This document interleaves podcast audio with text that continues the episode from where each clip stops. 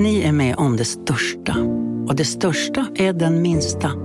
Ni minns de första ögonblicken. Och den där blicken gör er starkare.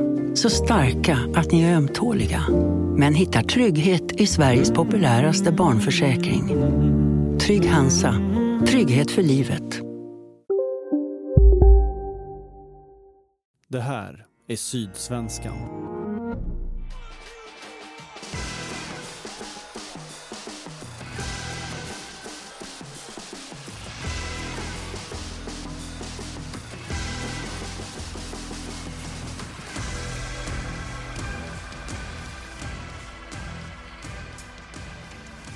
Välkomna tillbaka till MFF-podden. Det här är avsnitt nummer 282. Jag heter Fredrik Hedenskog och jag har sällskap av Fredrik Lindstrand i studion och Max Wiman på hemmaplan. Hej på er! Hej! Hej hej!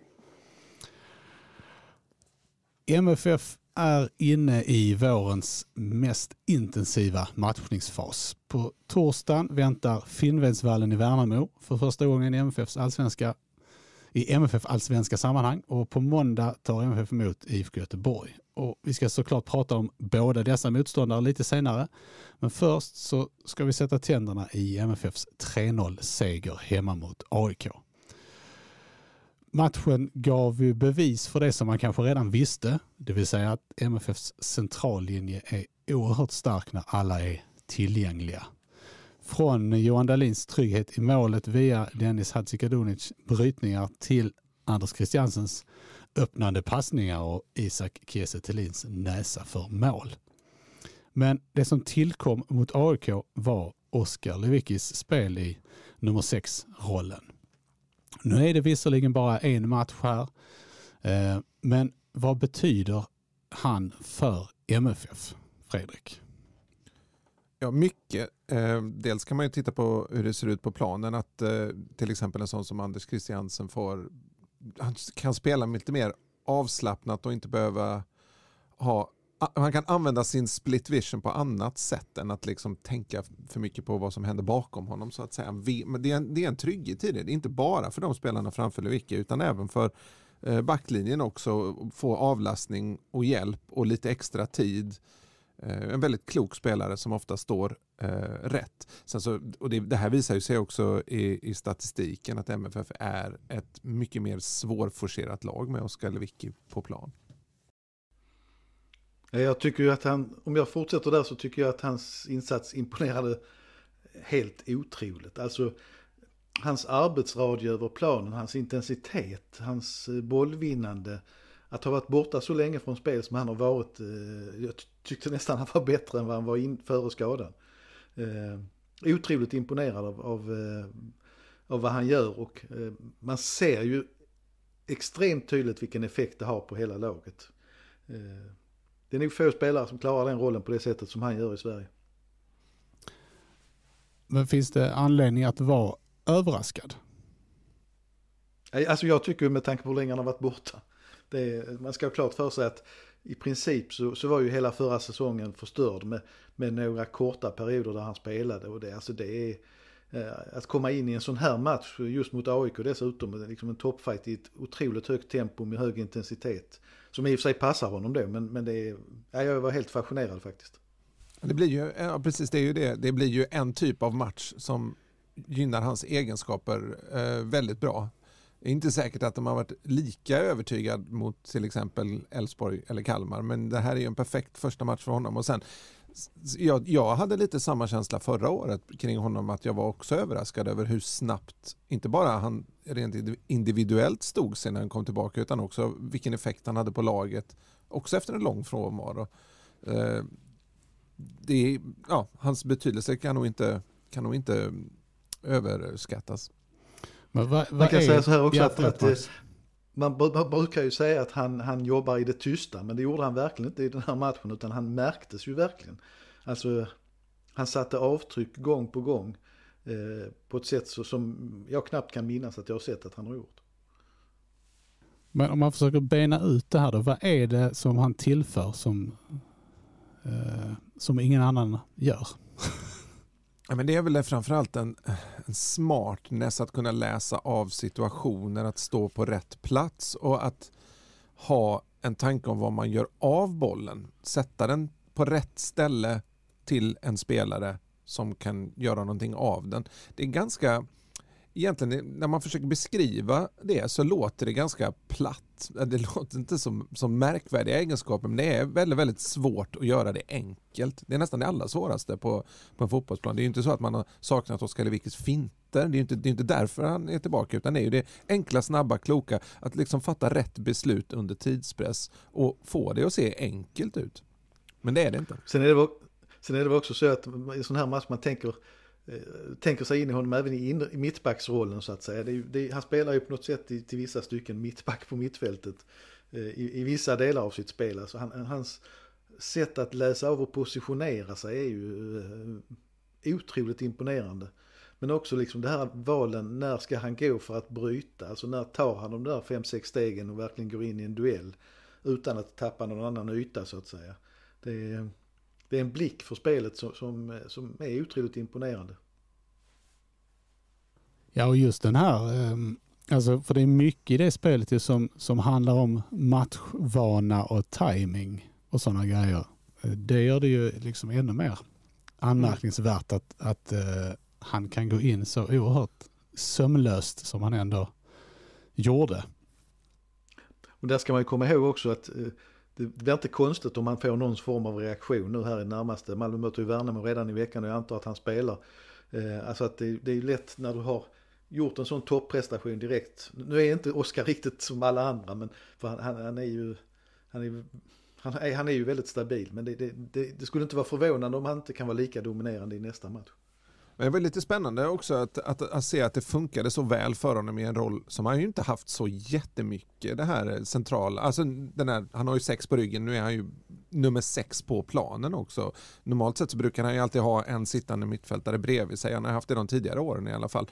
Eh, nu hade han inte riktigt det och det, det funkade ju alldeles utmärkt för honom. Så det blir spännande att se om, eh, hur MFF agerar mot Värnamo och vad för typ av match det blir och om den passar honom bättre. Jag tänker att vi kan eh, återkomma till den eh, om en liten stund. Ehm, vi byter ämne, eller byter eh, fokus här i, lite grann i, vad gäller AIK-matchen. Jag tänkte vi skulle prata om Isak Kiese Han har nu gjort fem mål på lika många tävlingsmatcher. Och även om MFF visste vilken spelare de värvade, tror ni att de hade väntat sig den här utväxlingen så snabbt? Vad säger du Max? Nej, det är svårt att säga men kanske eh, det har nog gått, eh, vad ska vi säga, utdelningen har ju blivit större än vad man kunde förvänta sig så pass snabbt. Eh, han är, har ju varit väldigt effektiv dessutom, han har ju inte haft sådär väldigt mycket chanser. Han hade väl ett avslut till mot, mot AIK. Eh, men sen vill jag lyfta också att han redan nu har ju tagit Marcus Rosenberg-rollen väldigt tydligt i, på defensiva fasta situationer och jag vet inte hur mycket han plockade bort återigen på, eftersom AIK hade rätt mycket hörnor. Han har ju god hjälp av Dennis, Dennis Hadzikadunic som också är duktig i luften men, men eh, alltså hans förmåga att stå rätt eh, där, eh, naturligtvis efter noggrann planering i, i, på träning men, men att, att, att rensa så mycket det, det, det är också en egenskap som tillför jättemycket. Och, Sen så, eh, för att ta den tredje så var han ju också väldigt duktig återigen på att hålla fast bollen i trängda situationer mot AIKs rätt stora mittbackar om man säger så. Jag tror, jag tror liksom att MFF hade nog inte räknat, och det gör man väl inte med någon anfallare, att man ska ha ett målsnitt på ett mål per match.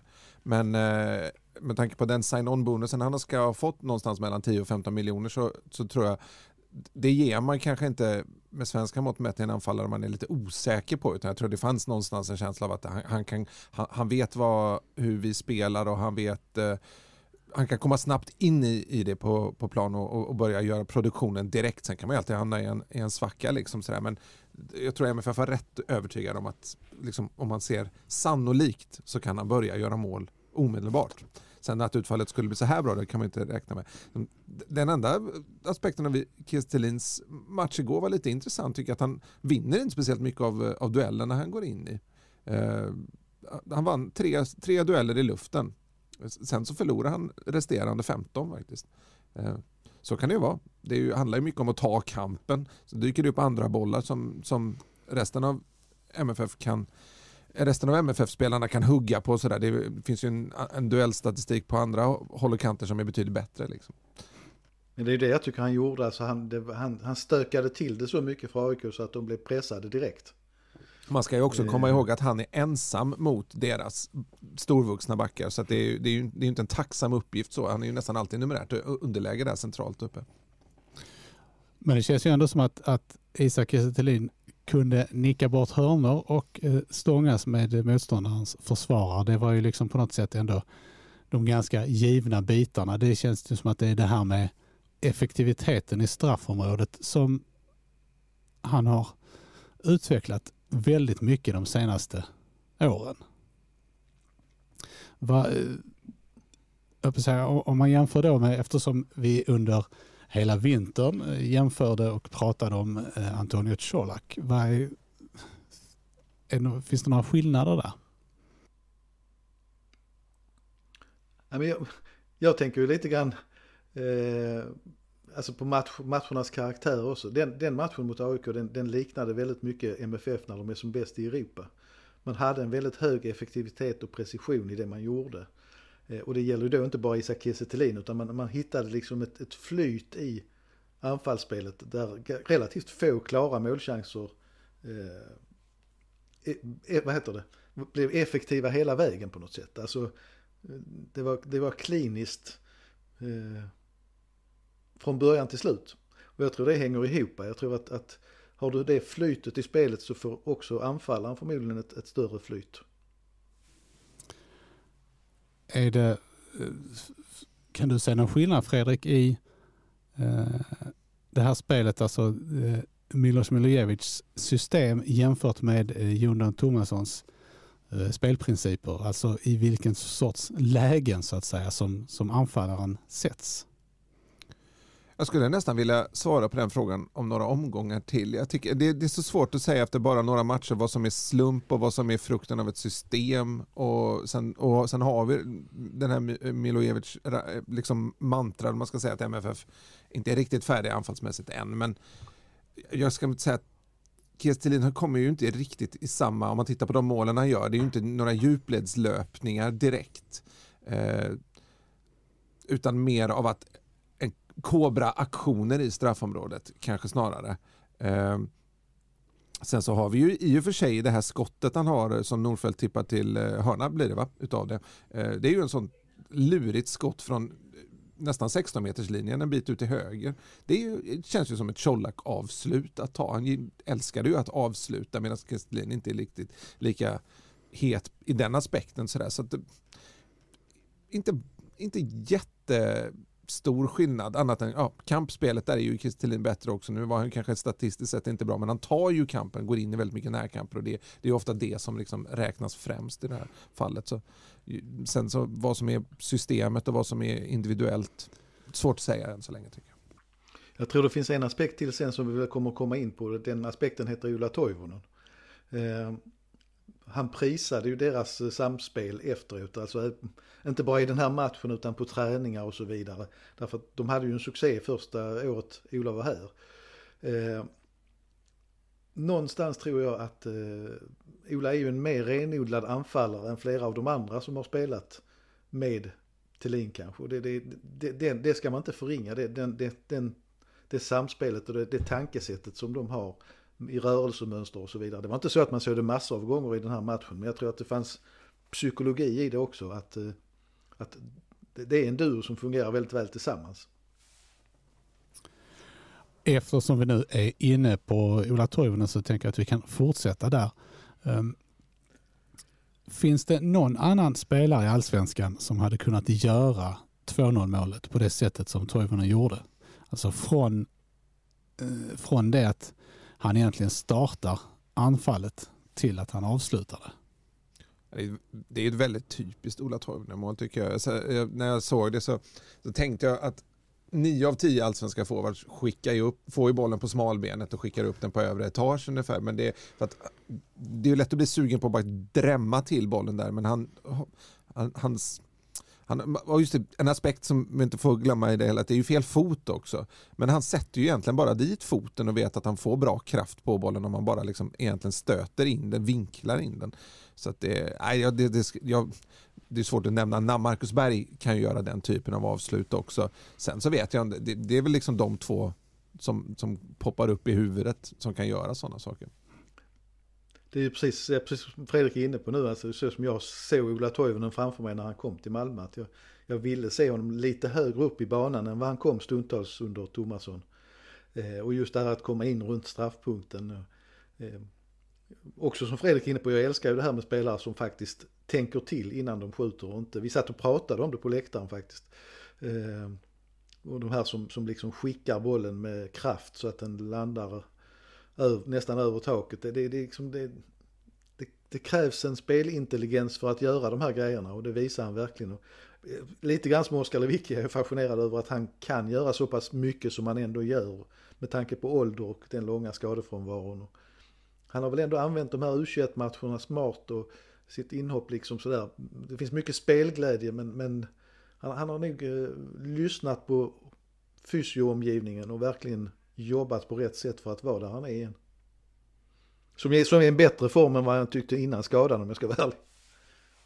Ja, han har faktiskt sett eh, hungrig ut om man jämför med vår, förra våren. Så har han sett betydligt bättre ut nu trots att flåset fortfarande, är, fortfarande inte är där och det är han ju rätt eh, snabb med att erkänna själv också. Men apropå timing om man pratar Lewicki och sådär, så har ju inte varit borta alls så länge men att, att ändå hitta så pass rätt som Ola Toivonen gör och varit borta så länge med den typen av skada också, korsbandsskada, det är ju det är, väl, det är otroligt starkt. Alltså han har ju haft direkt del i två Även om vi inte ska överdriva hans del i Kalmar-målet där så har han ju, han är ju ändå involverad i den situationen med sin smarta löpning där inne och, och nu kommer han in här och, och, och, och presterar riktigt bra mot, mot liksom, både Kalmar och AIK är ju också allsvenska förmodade topplag liksom, eh, på en och annan nivå. Och det är ju fascinerande att han har den tajmingen i var han befinner sig på plan och så. Det, och det, det, det är precis som Lewicki är ju Toivonen en väldigt klok spelare. Liksom. Sen jobba, förstås också jobbat stenhårt. Det är ju lätt att, man ska inte bara förklara det här med att man är smart utan man måste ta hand om sig också. Det var ju också så att det här målet eh, Max, det kom ju eh, Ja det var ju väl på, eh, i sjunde övertidsminuten eller någonting i, i första halvlek i ett skede där MFF lite grann hade kanske tappat initiativet Delvis på grund av att AIK hade spelat upp sig men också på grund av alla de skadeavbrott som, som eh, första halvlek drogs med. Nej men absolut, man kan ju säga att alla tre målen den här gången kom ju väldigt psykologiskt. Eh, 1-0 målet direkt i början, 2-0 precis före paus. Och som du beskriver, där matchen liksom har ryckt sönder. Och sen då 3-0 när AIK, med lite god vilja kan man väl påstå att de började liksom etablera någon sorts press. Eh, det hände ju inte så mycket framåt men det, det, var, det var en väldigt stor psykologi. Och det är väl kanske typiskt en sån rutinerad spelare som Toivonen också att liksom gå för det och hålla, hålla huvudet kallt även när det är stökigt med, med skador och avbrott och allt det här. Och inte minst det faktum att han hade kommit in för inte så länge sedan själv och liksom tagit sig snabbt in i matchen. Mot eh, Elfsborg så fick MFF inte riktigt någon fart på ytterbacksspelet mycket eh, offensivt då. Mycket på grund av att man inte hade någon spelskicklig vänsterfot på plan. Nu var Martin Olsson tillbaka eh, och förutom då att han slog passningen in till, som, som Toivonen gjorde 2-0 målet på så undrar jag vilken, vilken effekt fick det på spelet generellt? Fredrik? Nej, men jag skulle väl säga ganska kortfattat att det fick den effekten som vi pratade om att vi saknade mot eh, eh, Elfsborg. Att, att man liksom kan, kan sätta in bollar snabbt på ett. Det är ju bara att titta på, på eh, Ola Toivonens mål. Det inlägget hade ju Beijmo inte kunnat slå med sin högerfot. Eller det var en väldigt vass yttersida i sådana fall. Ska inte utesluta att det, att det hade gått. Men att komma i fart och sätta in den på ett så och precis liksom att kunna ha blicken fokuserad in i, i kring straffområdet där. Var, är, var kommer löpningen? Där sätter jag in den. Eh, det, det är ju ett starkt anfallsvapen som man liksom tappar om man inte om man har en felfotad spelare där. Jag har ju varit lite tveksam till Bejmo periodiskt kan jag väl lugnt säga. Men det här tyckte jag var hans bästa match i MFF där han var liksom mer bestämd och mer, eh, agerade med ett större självförtroende än tidigare. Det gör ju väldigt stor skillnad. Just att ha honom på vänsterkant är ju, han känns ju extremt enbent om jag ska uttrycka det så. Så där blir ju skadan större om han ska spela till vänster än, än någon annan. Men vad var det i, i, i eh, Bejmos högerbacksagerande då som, som gör att du säger det? Om du utvecklar Max. Nej men just det där att, att det var mer, eh, och det gällde ju hela MFF, alltså laget påverkas. Det var ju från start så, så var man ju mycket mer påkopplad och mycket aggressivare i både pressspel och att gå upp i rygg och, och se till att, att, eh, att stoppa AIK-anfall. Nu var det ett par gånger det var, han hade problem på vänsterkanten. Stefanelli kom ju igenom en gång. Eh, och det, och det var även skottet som tog i stolpen var ju lite grann åt hans sida till. Men, men eh, eh, jag, jag, tycker det är liksom intensiteten och tempot det handlar väldigt mycket om att inte vara tveksam. Eh, Erik Larsson har ju haft lite en tendens i vissa matcher till att trampa på bollen och vänta. Och eh, Bejmo har kanske haft tvekat lite att, att gå med fullt tryck framåt så att säga. Men, men eh, eh det är väl just, just tempot som är den stora, stora skillnaden. Fredrik, hur ser du högerbacks kampen så att säga framåt? Kommer det att vara Kommer det att bli någon form av rotation där? Ja, det tror jag. Eh, där handlar det nog rätt mycket om att vara bra på träning också, men vilket är ju inte helt lätt när det inte är så mycket träningar när matchandet är så tätt. Eh, det kommer ju bli avstängningar, det kommer kanske bli någon skadekänning och så vidare. Så det, där handlar det om, och sen handlar det väldigt mycket om att prestera på matcherna förstås. Det är väl det allra viktigaste. Det är svårt att se att Bejmo skulle stå, få stå åt sidan nu efter, efter den här eh, insatsen då mot AIK. Ska man se det krasst så kanske för Erik Larsson är kanske vänsterbacksplatsen just nu den där han har störst chans att hoppa in så att säga. Jag tror att Bejmo får fortsätta här nu. Eh, men Martin Olsson har ju tyvärr då en, en tendens av lite skade historik. Och Jonas Knutsen är ju inte nära spel på några veckor nu i alla fall. Han går ju in i full träning denna vecka nu då så att han lär väl inte, han lär väl, det ska ju lite U21 matchas och, och så vidare så ja, vad ska man kunna tänka sig? Man, hade, man hade ju en väldigt tydlig plan för honom att han ska spela, till och med Milos eh, Milojevic sa 70 minuter mot eh, i, i U21-match den 3 maj. Jag tror det är mot Landskrona, jag är inte riktigt säker men jag tror det är det. Det var liksom, det var planen. Det var väldigt konkret. Ja, man kan ju inte ifrågasätta det här in, vad ska man säga, inskolningsprocessen efter, eh, efter skador med tanke på vad MFF har fått ut av Lewicki och Toivonen så får man väl, det går inte att ifrågasätta det känns det som. Det har funkat typ oerhört väl.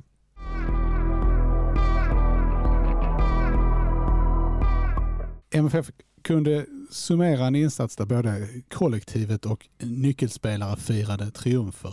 Men en som kanske inte känner sig lika nöjd är ju eh, Velko Birmancevic som har det fortsatt tungt och också eh, utstrålade det ganska mycket både under och eh, eh, under matchen efter det att han hade blivit utbytt. Eh, men hur ska man tolka det faktum att han blev utbytt efter en timmes spel? Eh, visserligen i ett läge där MFF gick in för att spela av matchen i ledning med 2-0. Men, men ändå, jag tänker i ljuset av det som, som Milos Milojevic har sagt innan, att han inte vill byta ut honom.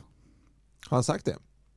Ja, han, eh, kanske inte, han kanske sa tvärtom, att han vill, inte, han vill ha honom kvar på plan för han kan eh, ja, men jag sa, avgöra. Ja, men för min känsla var att Jon Dahl Tomasson resonerade så ganska mycket. Han bytte ju sällan ut Birmancevic. Eh, jag tycker snarare det känns som att han liksom, det finns ingen spelare som är helig för, för Milojevic. Och det, det visar man ju här. Men det är ju inte så att det var första matchen heller utan jag tycker att om, om man liksom går ner så pass mycket i prestation under matcherna så då, då ska man ju bytas ut. Det är inte så himla konstigt egentligen. Jag, jag, skulle ha svår, jag har svårt att se att Birmasevic startar mot mot Värnamo. Det kan, kan faktiskt behövas att han får liksom en bänkmatch och komma in och möta lite trötta ytterbackar. Kanske lyckas med lite finter, kanske göra ett mål och, och liksom bygga upp självförtroendet på det viset. Eh, Sören Rex var ju helt utanför truppen i år. Eh, det skulle inte, faktiskt inte förvåna mig om han hittar in från start här mot, mot Värnamo igen. Men det kommer vi kanske till lite senare. jag, jag, tycker att eh, eh, eh Milojevic coachning har ju imponerat på många sätt och vis. Men just den grejen förstod jag inte riktigt. Eh, att när han valde att sätta Sören Rex på läktaren och eh, eh då följaktligen bytte in Sebastian Anassi när eh, när han tog ut eh, Velko. Jag är en väldigt stor beundrare av Nanasi, jag tycker han är en stor talang och han har väldigt mycket att erbjuda. Men det kanske inte riktigt AIK eh, kändes som var en klockren match för honom så. Eh, eftersom det var mycket dueller och han studsade mycket, han kom inte alls till det faktiskt när han väl kom in.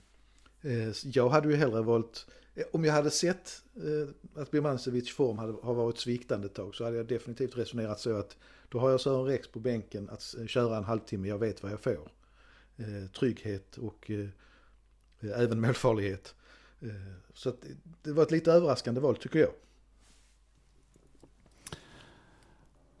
Hur ehm, ser ni, för, för Bimancevic har ju varit upp och ner under, under hela sin tid i MFF. Är det, um, ska säga, ser ni någon, alltså är det hans svacka som är, som är djupare än, än det han har visat innan? Nej, eh, det skulle jag nog inte säga. Eh, han var ju väldigt het poängmässigt under, i kuppen då, visserligen mot lite sämre motstånd, men det, det, var ju man ska säga, värre svacka i, och en längre svacka i höstas då han inte fick så mycket ut av, av sitt spel. Jag, jag, tycker snarare att sånt händer väl de flesta men det, jag tycker det är kanske ett större problem att han går ner i prestation så mycket under matcherna, att han försvinner ur matchbilden. Han behöver liksom leverera på en högre nivå Eh, genom, 90 minuter igenom så att säga. Det, det är väl snarare det som är problemet. Att, för att de vet ju att det är svårt att ta ut honom för att han kan ju göra det där oväntade som rätt få allsvenska spelare kan då. Men då, då måste man få ut mer av honom. Det måste finnas en högre garanti så att säga för att, för att den, där, den där briljanta aktionen ska komma. Inför matchen så pratade både vi och andra om eh, MFFs förvånansvärt svaga hemmafacit. Eh, är det molnet på MFF-himlen Har du också valt att bli egen? Då är det viktigt att skaffa en bra företagsförsäkring. Hos oss är alla småföretag stora och inga frågor för små. Swedeas företagsförsäkring är anpassad för mindre företag och täcker även sånt som din hemförsäkring inte täcker. Gå in på swedea.se företag och jämför själv.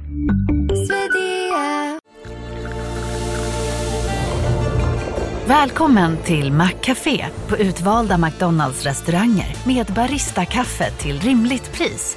Vad sägs om en latte eller cappuccino för bara 35 kronor? Alltid gjorda av våra utbildade baristor.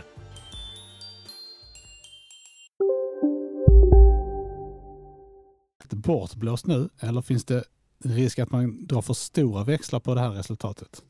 AIK hade ju trots allt antal bra lägen eh, i, i första halvlek, framförallt då Bahouis stolpskott. Vad säger du Max? lite, här, lite som Fredrik sa på någon fråga innan, låt oss vänta ett antal omgångar till här innan vi drar för mycket slutsatser. Eh, jag tycker själv att det är, eh, det är lite svårt att eh, Alltså MFFs dåliga hemmafacit då grundar sig delvis under hösten och det är ganska länge sedan så att det, det, det känns för tidigt jag tycker med, jag, jag, fick rätt i min tanke inför den här matchen att jag förväntade mig en riktig urladdning efter en rätt svag insats mot Elfsborg. Det är ju frågan än så länge för mig mer liksom, var är det riktiga MFF? Är det det mot Elfsborg eller var det det mot AIK? Det är mycket som talar för och man vill tro på det är att, att det som man visade mot AIK det är det riktiga MFF. Eh, men som sagt, det, det får vi nog... Eh, nu är det mycket bortamatcher i, men är, det finns ett par tunga hemmamatcher. Det finns Göteborg och Mjällby väntar här inom kort. Och det, det efter dem har vi nog fler svar tycker jag. Många, ja, det, det, här är liksom, vad ska man säga, nordöst eh, blekingskånska som kommer in där igen. Många skulle inte betrakta Mjällby som en svår hemmamatch. det är bara att titta på resultatet. exakt, exakt. Men Fredrik, eh, ja, men jag, för jag tänkte jag kollade på statistiken och jag tänker också det, det, det, det är, kan, det, det är liksom det finns två olika sätt att gå vidare från den här matchen eller att analysera den på. Dels så tycker jag, och den kanske mest intressanta bilden som är mer intressant än om man tittar på till exempel expected goal statistik, det är att MFF var effektiva på ett sätt vi inte riktigt sett på länge. Och det är ju, det är ju någonting som eh, Milojevic har pratat om att MFF ska vara effektiva. Sen har han också pratat om dominanta. Den biten har man inte riktigt på platsen men effektiviteten är ju snarare viktigare än, än, den dominanta biten. Och det är just att man hittar rätt och man har spetsen. Och jag tycker matchen är ett bevis på hur svårt det är att möta MFF. Eh, man kan försöka som motståndare att ligga lågt. Den matchbilden känner MFF igen och lyckas ofta luckra upp motståndaren. Eller så känner man som AIK att att ja, men vi, vi har kompetens i truppen att faktiskt flytta upp positionerna och spela och, och ja, men dominera bollinnehavet under, under perioden. Men, men, det är också en matchbild som MFF känner igen då, från Europa främst, eh, som Max var inne på här tidigare. Och, och, då, och då, kan man liksom skada motståndaren med sylvassa omställningar. Och, och, och det är liksom det, det, det sätter, jag tycker den här matchen sätter fingret på hur svårt det är att, att möta MFF just för att man, man måste lyckas med så exceptionellt mycket i matchen för att faktiskt komma undan med någonting. Även om det går lite stick i stäv mot eh, mot just det hemmafacit och är många som har lyckats lite för bra med det. Men det, det finns en ganska kul statistik på allsvenskan.se, en sajt man kanske inte går in så mycket på annat. Men eh, det, det, är den enda vad jag vet sajten som har eh, hur många löpmeter spelarna har haft på en match och hur snabba de här löpningarna har varit. Och nu har jag kollat lite de här tre första matcherna och eh, MFF har haft åtta spelare mot AIK som har sprungit snabbare än 30 km i timmen. Det var sju mot Elfsborg och fem mot Kalmar. Det betyder alltså att man har mer maxlöpningar under matchen mot AIK. Eh, och AIK hade bara tre spelare som sprang över 30 km i timmen. Det är en ganska stor skillnad. Eh, MFF har de fem snabbaste löpningarna i matchen och MFF sprang sammanlagt tre kilometer längre än AIK. Det hänger väl lite ihop med att man inte hade bollen lika mycket men man ska ju också springa när man har bollen i Så, så det, det är liksom, det, även om hur det kan se ut, det ligger väldigt, väldigt mycket hårt jobb bakom Malmö FFs Eh, vad ska man säga, nu var det inte dominans igår men den här segern, bakom effektiviteten så ligger det hårt jobb kan man säga. Det, det kommer inte av en slump och det är inte, det är inte bara individuell skicklighet utan det är också ett lag som, som nästan alltid jobbar hårdare än motståndarna för segern och ligger på en annan fysisk nivå. En fysisk nivå som dels för att man kan köpa spelare som är på en högre nivå men också att man har ett fysteam och en stab som liksom är väldigt noggrann med den här biten. Man gör ett hårt jobb för att vara fysiskt bäst. Jag tycker att man, eh, eh, just helheten som man såg mot AIK var det som imponerade mest. Och som vi har varit kritiska mot MFF på många punkter under våren. Alltså just att, att se helheten fungera så som den gjorde. Eh, tycker jag var ett, eh, var ett väldigt starkt bevis för vad MFF kan göra. Alltså ända från en oerhört trygg Johan Dahlin i målet. Eh, ett försvarsspel som var mycket säkert förutom då någon kortare period när AIK hade ett par attacker. Alltså i andra halvlek då när AIK Eh, tillåts dominera och jag vet Ola Toivonen tyckte att de fick dominera för mycket, att man, MFF liksom backade för mycket, så, så hände det ju inte särskilt mycket egentligen. Och det, det, så, så har det varit när MFF har varit som bäst i Europa också. Och så då mittfältsspel med, med, med, de, med Oskar Lewicki som, som den tryggheten och Anders Christiansen ska, ska vi inte glömma bort som helt plötsligt kom mycket, mycket högre upp i banan och mycket mer djupledslöpande. Och alltså det, trots då att Birmancevic var väl den som föll ur ramen så att säga, så är det ju väldigt mycket som klickar i den här matchen på helheten. Bergets förmåga på kanten, inte bara fina inspel utan en, en, en lite, lite stel klack, men dock klack eh, till eh, första målet. Alltså den här, den här helhetsbilden, den, den, eh, det är ju den som vinner i längden eh, om MFF kan hålla fast vid den. Det som jag skulle vilja hissa lite varningsflagg för, för att ha som sett i början, det är ju det som, de, som Milojevic också har pratat om att de ska korrigera. Det är liksom hörnor, inläggsspel, eh, frisparksspel där, där MFF tenderar till att släppa till chanser. Eh, att Jordan Larsson till exempel inte gör mål på den här bollen som dyker upp framför fötterna på honom när Johan Dahlin släpper retur efter Stefanellis skott. Eh, det är ju det är ju lite tur bara egentligen. och att eh, Bowie får avsluta så fritt som man trots allt får göra inne i straffområdet. Vi har situationen mot Djurgården också som kommer på inlägg i kuppen då. Eh, och eh, Elfsborg också, kommer också till avslut i, i bra lägen. Och om man tittar på, tjatar jag lite om expected goals här igen, men eh, utan att gå djupare in i de siffrorna så är det alltså eh, av tre av de fyra senaste matcherna så har MFF varit sämre i den aspekten än eh, vad motståndarna har varit. Och alltså över tid så brukar man bli straffad om man, om man inte liksom justerar den statistiken bättre. Ehm, så där finns ju liksom att jobba med. MFF släpper fortfarande till lite för mycket chanser och antar att det hänger ihop med att man har gjort vissa korrigeringar i det defensiva också. Har man ju bytt ut tongivande, en tongivande mittback mot en annan som spelar på ett lite annorlunda sätt. Eh, kan vara sådana förklaringar. Eller att man har börjat tänka på ett speciellt sätt på defensiva fasta som man behöver lite tid med för att hitta rätt i. För att om man tittar individuellt på både Lasse Nilsson och Hadzikadunic så gör de fantastiska matcher båda två, vinner det mesta som kommer deras väg och ja, är ju ett rejält mittbackspar.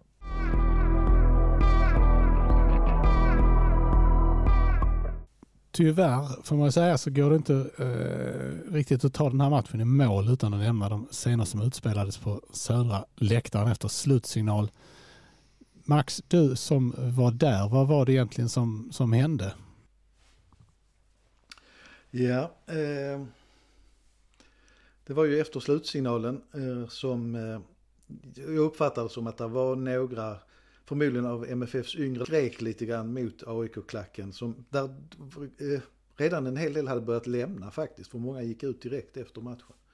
Eh, och sen spårar det ju ur. Eh, ett större gäng till, går, knallar bort mot eh, det, det staket, det nät som finns mot övriga läktaren och börjar skrika och gapa och rätt snabbt klättra i nätet, försöka ta sig över och börja kasta, riva loss stolsdynor, kasta dem.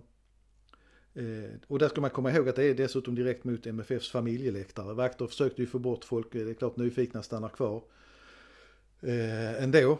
Men jag vet inte, jag tycker att, att eh, det här är ett större problem än vad kanske en del vill ha, vill ha det till. Under, under matchens gång hade AIK-fansen hållit upp en eh, banderoller där man hävdade att man, det var tack vare AIK, deras fina insatser som villkorstrappan hade slopats. Och att eh, Malmöklacken inte hade gjort så mycket. Eh, jag förstår liksom inte de här resonemangen, hur det går ihop i slutändan. Eh, det, det här liksom stick i stäv mot, att, mot allt. Det här är ren huliganism. Det, här, det, här, det hör inte hemma på en läktare. Det finns ingenting som kan försvara det. Det är skadegörelse. Eh, man lyckades till och med kasta en sits i huvudet på en egen supporter som hade lyckats ta sig över eh, nätet. Eh, och, alltså både fotbollen och ordningsmakten, jag hoppas att man ser till att fälla dem för skadegörelse tack vare filmer som finns där. Men, men fotbollen själva måste ju också ta ansvaret för det här. Det, det, är, inte, det är inte acceptabelt.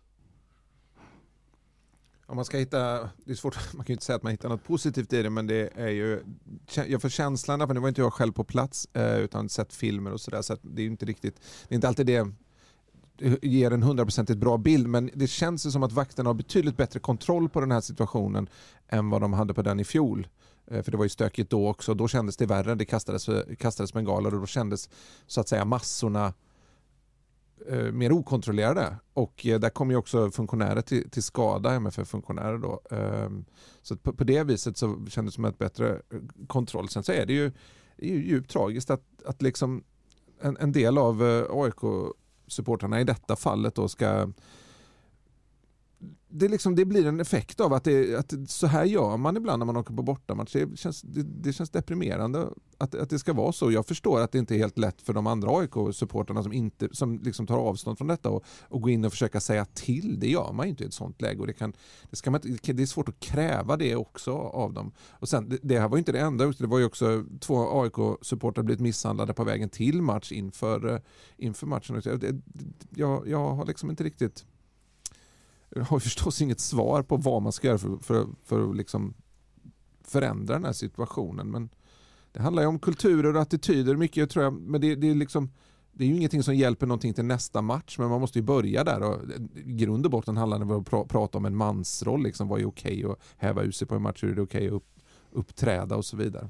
Nej, men man måste, fotbollen måste erkänna problematiken. Jag tycker fortfarande att man eh, liksom inte har kommit så långt i den hanteringen.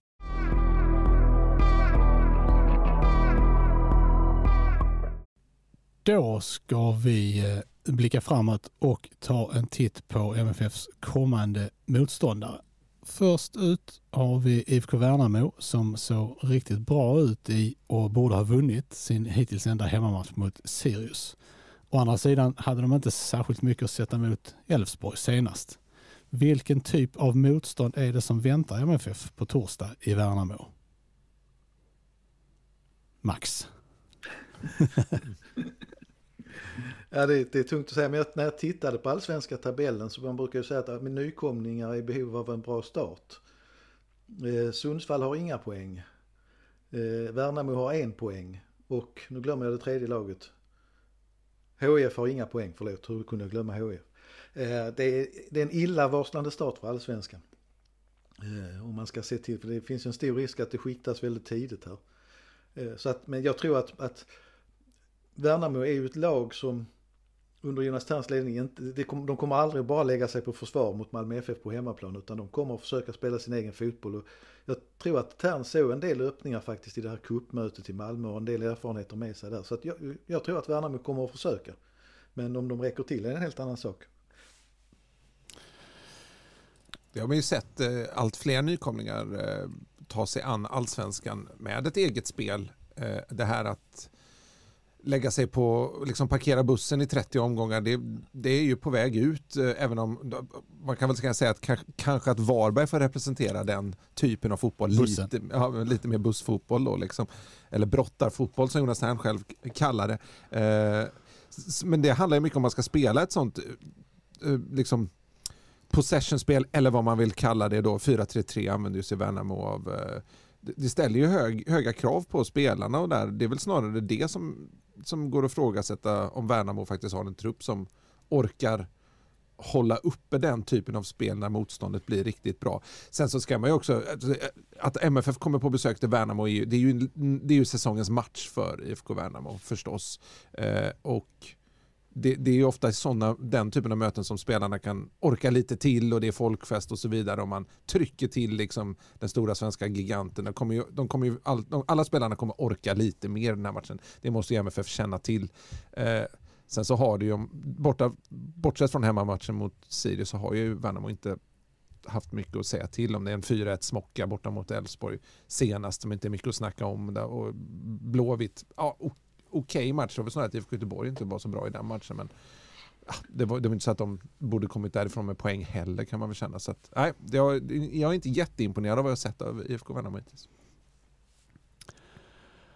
Eh, om MFF då motsvarar förväntningarna och vinner i Värnamo så finns det förutsättningar för en riktig höjdarmatch på måndag kväll.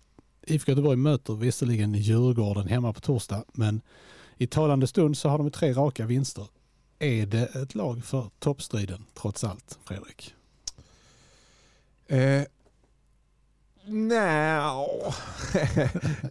eh, under en period kanske. Nu är de ju definitivt med i toppstriden så att nu får man säga att de är lag för det. Eh, man kan väl säga så här, IFK Göteborg har de senaste säsongerna underpresterat långa perioder. De har ju haft en bedrövliga starter på säsongerna. Eh, och det har de väl kanske inte riktigt varit förtjänt av, eller man är väl alltid förtjänt av att förlora om man inte gör tillräckligt många mål. Men om man ser till spelet eh, så och, och det uttrycket de underliggande siffrorna som alla experter älskar sig använda av, så, så borde det ha gått lite bättre.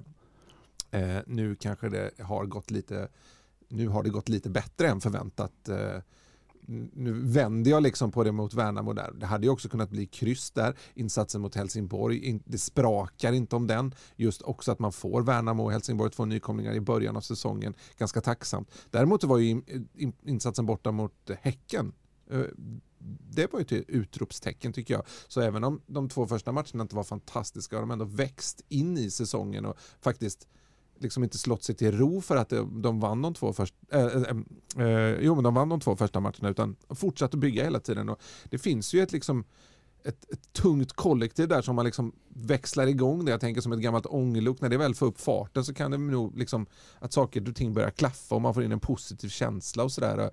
För om man tittar på IFK Göteborg förra hösten, då fick man ju in den här känslan. Då var man ett väldigt, väldigt bra lag och vann otroligt mycket matcher på ett ganska övertygande sätt också. Tror du de ser sig själva som ett ånglok? Det, det, de ser väl sig fortfarande som ett av Europas topplag tror jag. Det är den självbilden som finns där.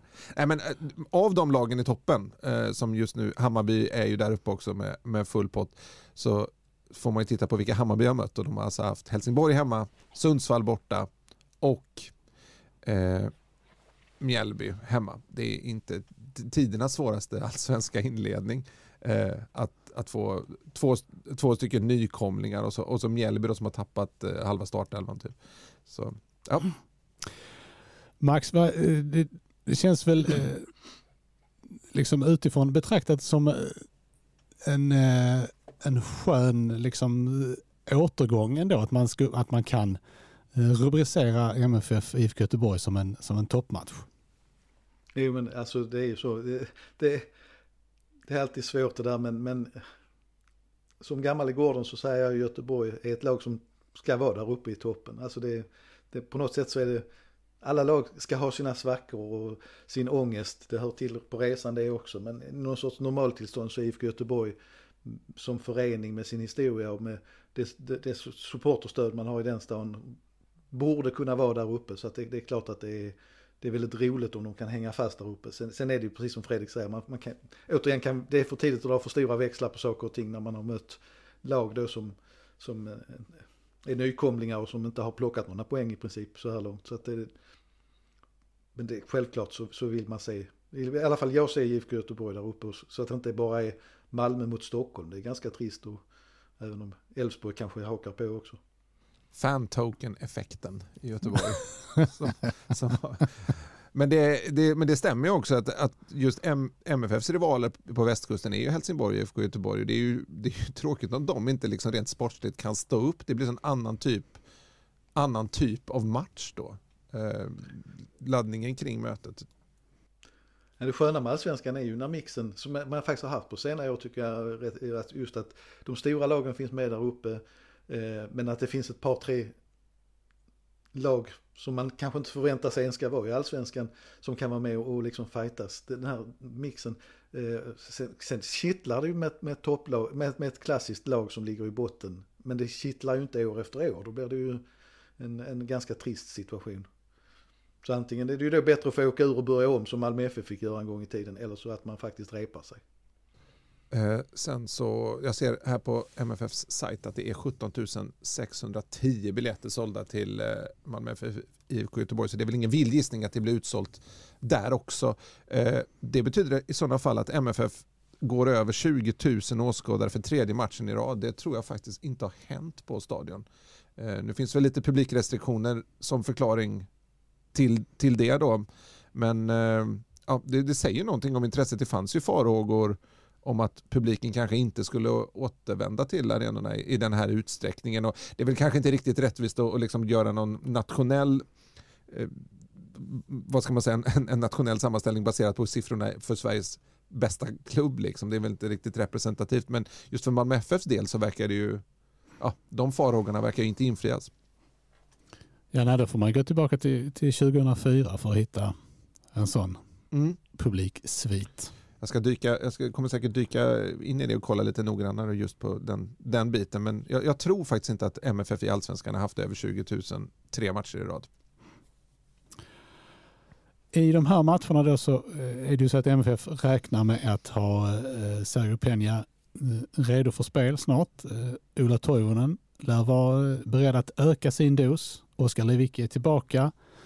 Eh, Sören Rex, som vi sa innan, fick inte ens plats i truppen mot AIK. Det börjar bli eh, ont om, eh, eller det börjar bli trångt om platserna. Hur mycket eh, tror ni att eh, Milevic kommer att rotera här nu när det blir lite tätare matchning? Jag, eh, jag tänkte på Ola Toivonen, han stod i intervjun efteråt i Simor och nästan han liksom gjorde dålig reklam för sig själv för att han pratar mycket om att han, eh, att han liksom gör en insats och sen måste han liksom pusta ut och sen kommer nästa istället för att göra nästa, nästa, nästa, nästa och, och inte behöva liksom vila mellan dem. Försökte han snacka bort Värnamo? Det... Ja, men jag tror att det kändes nästan lite så. Nej, men, för, men, jag, jag, men med just det här att han kanske inte riktigt är den spelare som man behöver i det, det pressspelet som MFF vill spela. Däremot är, är han ju liksom, håller han ju en individuell klass som, som många andra i laget inte kommer i närheten av. Han har en smartness som är på en nivå över allsvenskan. Eh, just det, det, här sammantaget får mig en känsla på att jag tror inte att han startar mot IFK Värnamo utan jag tror att han kommer fortsätta användas som, som inhoppare ett tag till. Jag tror samma sak. Jag tror att man kommer att spara honom så mycket som möjligt mot Värnamo för att kanske starta honom mot Göteborg. Det är inte alls otänkbart. Eh, Oskar Lewicki då? Ska han bara köra på? Ja, jag tror att han... han äh, men det, äh, av, av det man har hört av, av honom när man har pratat med honom så är han ju så otroligt fokuserad på sin eh, rehabträning. Det är inte så att det slarvas med den. Han har inte riktigt den personligheten. Nej, men jag tror att han, är, att han har liksom väntat med att gå in i spel tills han var, känner att nu kan han hålla den klassen. Jag tror att han var besviken på att han inte fick spela i premiären till exempel. Ja, och det, eh, nu blev dessutom Erdal Rakip skadad. Jag vet, jag vet, inte riktigt hur pass det var, men, men eh, Milojevic han försöker ju vara rätt så öppen ändå. Han räknar inte med honom den, denna veckan kändes det som. Eh, så att eh, jag tror också att Oskar spelar. Sen är det lurigt med Penja. Man vet ju fortfarande inte riktigt status på honom. Eh, det kan ju i sådana fall vara att, man, att, att uh, Milojevic känner att han får ett inhopp mot Värnamo och kanske startar mot IFK Göteborg. Det beror ju på lite vilken det hänger lite på hur motståndarna spelar också vad han gör för, för typ av val men kanske att Hugo Larsson skulle kunna få starta mot eh, IFK Värnamo. Jag tror att Hugo Larsson fanns ganska långt i planerna på att få starta mot eh, AIK. Men det kanske är schysstare mot en 17-åring att slänga in honom mot Värnamo borta istället för AIK hemma också ur, ur ett rent så lite långsiktigt perspektiv. Sen är det lite att jag vill gärna se honom starta för det har varit spännande. Men det är ju, eh, vad gäller Penja så finns det ju liksom lite andra eh, överväganden att göra. Eh, jag tänker på, på liksom spelarens allmänna så att säga, välbefinnande. Hugo Larsson är väl kanske mer beredd att fortsätta vänta på sin chans. Penja lär väl känna att han ska spela när han kan spela. Mm. Det är korrekt.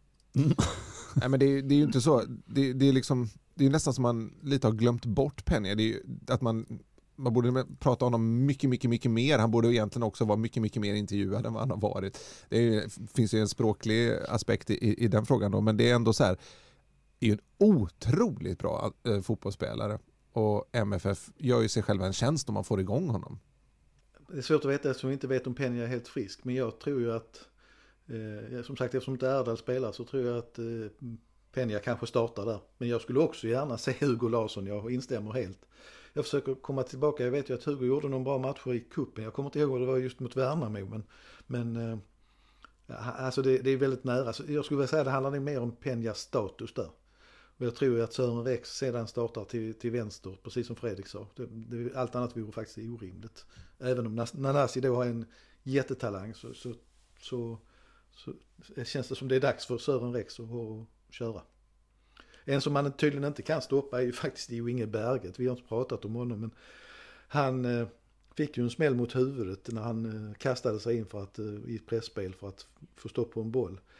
Och Jesper Robertsson, eller om det var Alexander Nilsson, en av fysioterapeuterna tecknade direkt för byte. Och sen så gjorde inhoppande Ola Sveim och läkaren då flera tester på honom. Och man såg liksom bara på att Berget bara skulle in och han, alltså så som han sprang tio minuter efter den skadan, det var, det var omänskligt och det kändes liksom Kent Jönsson, Leon Jönsson och jag vi satt och sa att han kommer nog inte ut i andra halvlek för då kommer reaktionen men uppenbarligen så klarade hjärn, hjärnskakningen sig, eller han klarade sig från hjärnskakningen den här gången. Men han tycks ju vara en evighetsmaskin verkligen, Berget. Hörni, eh, vi eh, sätter punkt där för den här gången. Vi återkommer efter eh, Göteborgsmatchen. Så blir det. Det här har varit avsnitt nummer 282 av MFF-podden där vi anser att konstgräs ska förbjudas i svensk elitfotboll. Jag heter Fredrik Hedenskog, jag ett sällskap av Fredrik Lindstrand och Max Wiman och ansvarig utgivare är Jonas Kanje. Tack för oss, hej hej!